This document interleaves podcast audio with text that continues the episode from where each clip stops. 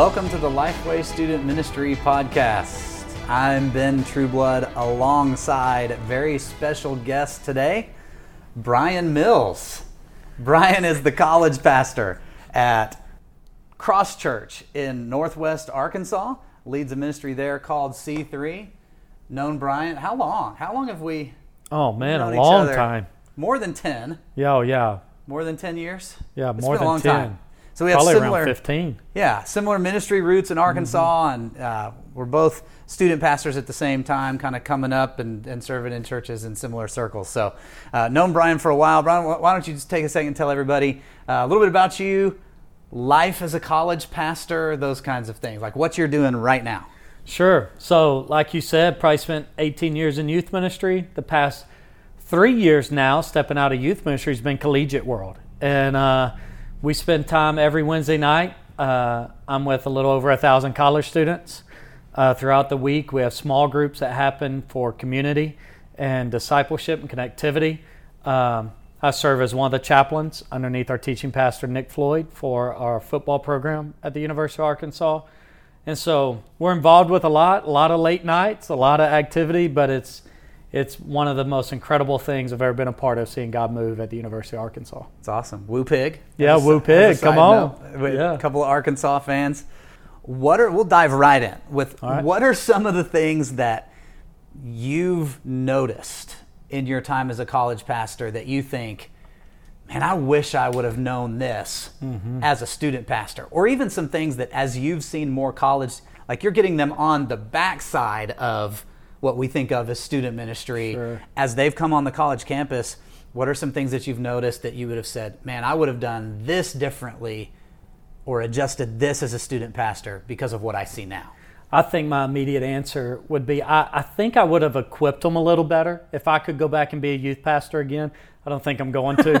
Uh, Days are over. Yeah, I believe. Uh, but I, I would want to equip them a little bit more efficiently. And, I think I would start with just the basic disciplines in our faith. Hmm. Things like how to spend your personal time with the Lord. And so we, we have casual conversations of have a quiet time, have a quiet time, have a quiet time. Well, I'm meeting a lot of students who are coming out of youth ministries or out of churches and they're getting plugged in our collegiate ministry and they're saying, How do I spend time in God's Word? Yeah.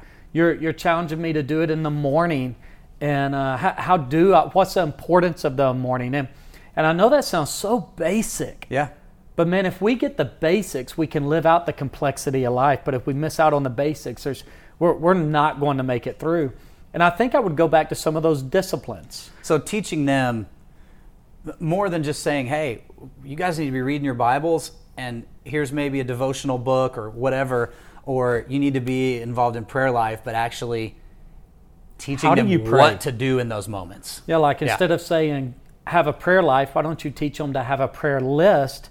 Teach them how to develop the prayer list so they know how to pray every single day. Yeah. Instead of So- saying have a quiet time, teach them the importance of not just doing another devotion or doing another podcast or watching another sermon. What about the importance of going through the Word of God and how important it is in your life? So you're seeing college students walk onto the campus um, who've been involved in churches who still don't they've heard of the spiritual disciplines they know they're supposed to do these things but they still don't know how. That's a common occurrence for you. Very common kids occurrence from the church. Yes. not and so you might be wondering why like why am i asking that? Brian and i haven't talked about the research. So more than half of the students who walked away from church during their college years said that during high school they had a regular time where they read the bible and they had a regular time where they prayed every week. Hmm. So, what the research is saying is exactly what you're seeing in real live college people that walk on the campus is that they know they're supposed to do these things, but they've never been taught how to do them mm-hmm. so that when they're by themselves and it's a choice whether they're going to do it or not, there's there's nothing there to back up a decision to continue moving forward. Or they try it and it's like I just don't know what I'm doing, so I'm going to stop. Yeah, I think if I could go back in youth ministry, I think what I would do was I'd be more repetitive in my teaching of it. I would bring it hmm. back. The discipleship process would be reoccurring. Yeah. and it would it would always come back up of how how's your prayer life, how are you spending time in God's Word, but not just how, but hey, um, I mean probably every month I would tie it into a sermon. I, Yeah. I'd be a lot more intentional with the discipleship aspect of that to really develop them and equip them. It's almost like I said this at lunch with us today. It's almost like we're we're equipping them to go hunting and they're going fishing Yeah. and they don't know how to fish. It's just a wrong target. Yeah, we've just aimed at the wrong target. Not not that anybody's doing anything bad. Right. And I feel like I was a good youth pastor and I was equipping and I was discipling, but sometimes I think I might have pointed them at the wrong target, not for the target they're heading towards, and that's Yeah. the collegiate world. So a target, hey, this these things are going to help you right now in student ministry as a high school student under the umbrella of our church and our student ministry and for some under the umbrella of a Christian home. Yep. We're nailing the mark there. Mm-hmm. Yes. But what about when they walk out from under all those umbrellas? And that's Yeah. that's a that's a big question for student. Yeah, we've got to equip them for what's next. I, I don't think it's as hard as it sounds. Yeah. I think it's intentionality to our teaching and discipleship process, from our preaching of sermons to how often we share the gospel. We're Yeah. seeing a lot of students walk in as well that don't understand the gospel and they haven't fully grasped the gospel. Maybe their parents kind of n- not knocking a parent. I, I want to do this with my kids. I want to teach them the Bible Yeah. but maybe they made a decision early on in life that was more pushed upon them instead of just a decision they made on their own. And so they're not able to live out what they didn't make. They're Yeah. trying to live out what their parents and not knocking any of that. That's I, No. let's not act like that's we want to hand our faith onto our, our children for Yeah. sure. But, there's in still, the same, we've got to disciple them to help them understand the decision they have made, so they can go live out that decision. Yeah, and I th- I think you know one of the one of the ways that we've all heard it talked about before is a person has to come to the place where they make their faith their own. Yeah. and I think that's what you're describing. And Yes. so many. Uh, Teenagers, they're still teenagers when they go to college, even though they move into young adulthood. Yes. they are having that make their faith their own moment as an 18, 19, 20 year old rather than us maybe providing environments in student ministry where they make their faith their own as a 15, 16, 17 year old. Yeah. And providing the environments, like you've said, to teach them how to dive into God's word, how to pray, practical, really mm-hmm. good practical. This is like how you do it, not just that you're supposed to. And then what you said about the gospel, I think is right on, is that when they understand the gospel, when they understand what the gospel says about who they are, who they've been in their past, who they're going to be in their future, when they understand God's work in their life, mm. it develops a love for Him. Yes. Right? And then all of those other things begin to sprout and bloom from a love for Him. Yes, that's right. And th- so those those environments are needed. yeah. Uh, man, I think they're needed, and you. We can talk about this too. You see this happen all the time in your college ministry,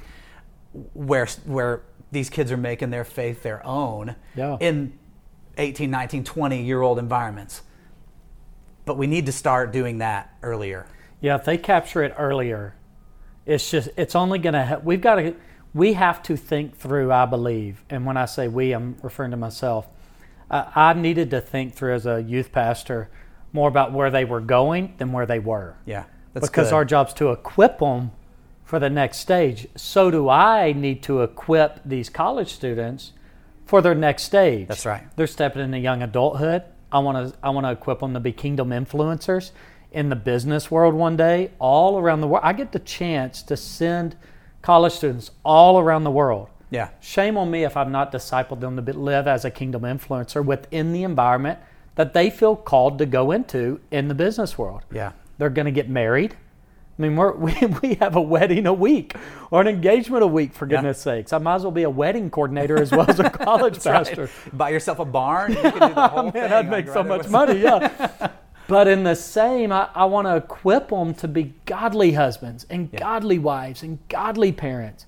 I've got to look at where they're going, not where they are, if I'm going to disciple them well. I And- love that. And I should have gone back in youth ministry and thought through where are they going Yeah. and educate myself. Uh, that's one thing I love about our book is, Yeah. is to help educate to the point how do you live this different college experience you Yeah. know and so uh, so yeah i think i think I, I i've got to look that and i should have gone back to look that way Yeah. So Brian mentioned the book. Uh, we wrote a book together Yeah. called A Different College Experience. Um, and it's going to sound super weird, uh, but I'll, I'll say it. what I what I like about the book is that it's not your standard. Here's ten ways that you can yeah go to college and be a Christian or be successful. Like, it really does point them to the foundation of who they are in Christ and helping them understand the gospel and the church and all of those things, along with very practical how to follow Jesus in my practical everyday decisions during during this time period of my life. I, I'm a firm believer. I know you are too. That the college years for someone can be catalytic for following Jesus. Yes. That they can they can take the foundation that they've laid in their teenage years and build on that. And really, because of the stage of life that they're in with this newfound freedom in college, it, it can be a moment of life where they their relationship with Jesus is, explodes Yeah. in a continual way and really lays the foundation for the rest of life. And if I could boil it down to one thing that we tried to do in the book, uh, I think we would both say that it that it's helping a student realize that they can live for Jesus in college. Yeah.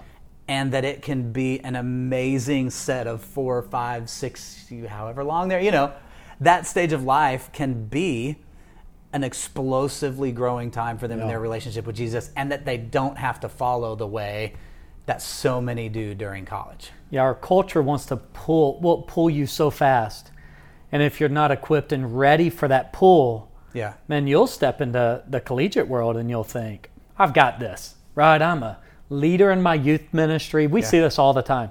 I'm a leader in my youth ministry. If I've heard it once, I've heard it a thousand times. Their parents will sit down with me. We'll have coffee. They'll tell me how they're a leader in their youth ministry, and I won't see them again until their sophomore year, the second semester of their sophomore hmm. year. And they'll come back and we'll meet them at the altar, and they'll be broken. Hmm. And God will wreck them. It doesn't mean that they have lost their salvation or something. They just stepped away and let the culture pull them away because they weren't fully equipped and ready. Yeah. And that's one thing I love about our book is it truly does equip them for the life they're about to hit, and it equips them theologically. I love how deep we went theologically in the book, and I love how the book was so centered around the Word of God, and I, I know that's you and I's heart, and, and then how practical it is. Yeah. From everything through relationships to avoiding the pitfalls to finding your identity. You talk about a challenge in college. I mean, you who you become in college is somewhat what you're going to live out the next several Yeah, years of your right. life, which could be some of the most formative years. I mean, it could determine whether you get a divorce or not get a divorce one day. Could determine if you raise godly kids or don't raise godly. I mean, the next few years, really, that that identity is so key, and we cover a lot of that, and it's just. I'm really excited to see what God does Yeah. with that journey. Me too. I, I would love to know, um, jumping back into you, current role as a college pastor, uh, help student pastors kind of catch a glimpse of the struggles, issues, things that walk into your office at the coffee shop Yeah. every week. Because I think you've told me, and you don't have to tell all the stories and stuff, and we don't want to I got it. glorify what's going on. You know, Yeah, you get that. But at the same time, I, I would you have said as a student pastor, this is what's happening on the college campus to that level? No, I just wouldn't have known. Yeah, we're naive. Yes, those of us who have not done college ministry, I think, are naive to the de- maybe not to the struggles, but to the depth of the struggle. Sure. How readily available. I, I mean, I went to college. You went to college. Yeah. Everybody.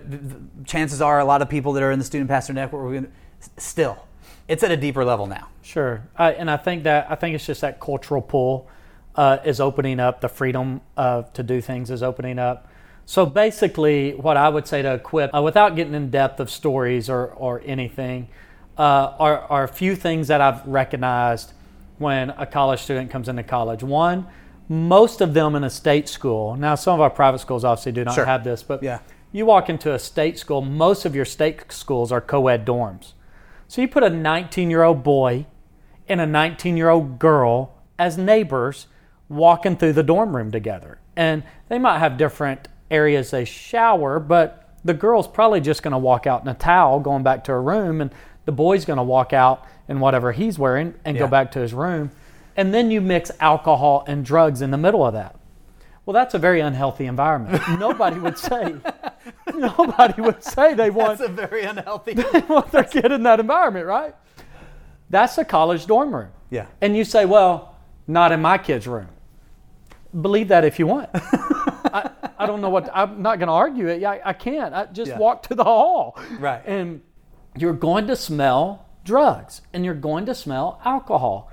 And there's this very sexual temptation that takes place. And so we wonder why are college students diving so deep into sin? Because man, sin is so tempting and Yeah. it's easy to dive into. We don't need to beat them up too bad because Right. we're not setting them up for that great a success in the environments we're giving them. Well, then you put a bunch of dudes in a house and call it a fraternity. And let me say this I, I love fraternities. And, and if you ask the fraternities at the University of Arkansas, they would say he is our greatest champion and he loves us. I've been in the basement of their houses leading Bible studies. I walk in the houses and I share Christ. And, and I've been, I, I invest in these men Yeah. majorly. But what happens in the majority of our fraternity houses is not healthy. Right. You got a bunch of boys who invite a bunch of girls over, and you mix it with hard liquor and drugs. Now, It's not a healthy environment. that's not a healthy environment, right? Uh, and, and so you mix all this together, and you begin to understand why what you hear on the news is happening. yeah. And that's sad and it breaks my heart. And it breaks my heart to the point that I want, I say this in C3 all the time it's a no judgment zone and everybody's welcome. Yeah. You can walk in with the deepest hurt and the deepest pain, and we see it. We watch, um, I mean, I, I, I know college students right now that, uh, that are pregnant uh, because of a mistake that happened in a fraternity house or because of a mistake that happened in a dorm room. They, they might not have even known each other. I, I know uh, college students who've driven out of our town to go to Planned Parenthood to have an abortion. I, I know their names and I know the hurt that's followed and I know the baggage. And it hurts. Uh, and that that's a dark side. Yeah. And it's really dark and we're dealing with it every single day. We Yeah. walk with college students and we want them to know God forgives them, God loves them, and we accept them. Yeah. Uh, the, uh, the struggle through the homosexuality population in the midst of college students. Men, there, some are rebelling against them, some are doing all this. Well, we've moved to the stage that uh, sin is sin. We're going to accept all, and you're all welcome here within our ministry and in our church. It has been fascinating to watch who's walked into our ministry and who's given their life to Christ and how their lives can be changed. And I truly believe any life can be changed. And I truly believe that Jesus wants to change all of them. Yeah. And uh, we're not going to condemn one of them because that's not my job. Uh, we're watching that take place, the, co- the, particularly the state college campuses. It really is a dark world. And it's a hard world to resist the temptation thrown at them. Uh, really hard world. Show we need to show grace uh, Yeah. to these students, but we also need to raise a bar, and we need to teach them the Word of God. And we don't need to we don't need to preach fluff. We need to preach the gospel, Yeah. and we need to give them the gospel. Welcome and them there, and when they're there, Preach the it's gospel. truth. Yeah. We're, we're not going to fluff it up. We're not going to change the Word of God. We're going to preach the Word of God with boldness and truth and let the Holy Spirit do the convicting. And then as they come forward, we're going to receive them just as they are, just the way Jesus t- tells us to. And uh, we're going to disciple. And I'm telling you, there's nothing like, I could tell you story after story after story of someone being redeemed. I had a girl walk up to me not long ago, two years ago, and I preached on John 3.16. All right, so we're straight truth Yeah. and I talked about whoever.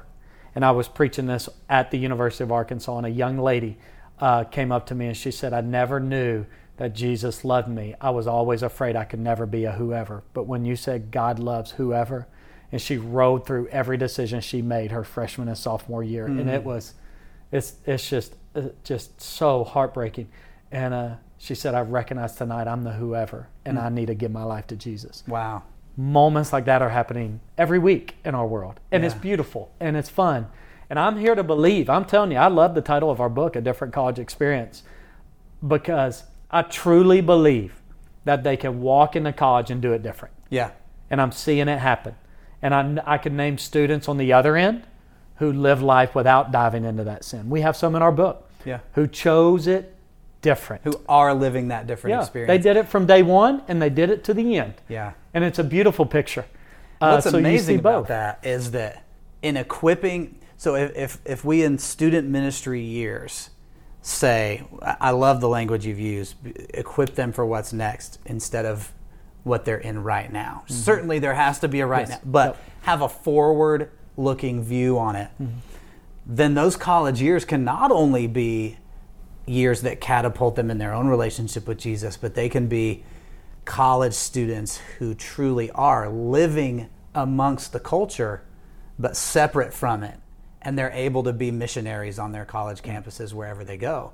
That they go to college with that mindset of thinking, I'm, and to a large degree, even I'm choosing this university or this campus because God's called me to be a missionary here Yeah. instead of I'm going to go and whatever happens, happens. Yeah, what if we send kingdom influencers to every campus across this country as youth pastors? Yeah. And youth pastors commit that when I graduate a senior, I'm not just going to uh, have a graduation ceremony where we stand them on stage and we hand them a different college experience book and and give that to them on their way out, right? That's a shameless plug. Uh, but in all seriousness, where we just hand them something, Yeah. but what if we commission them?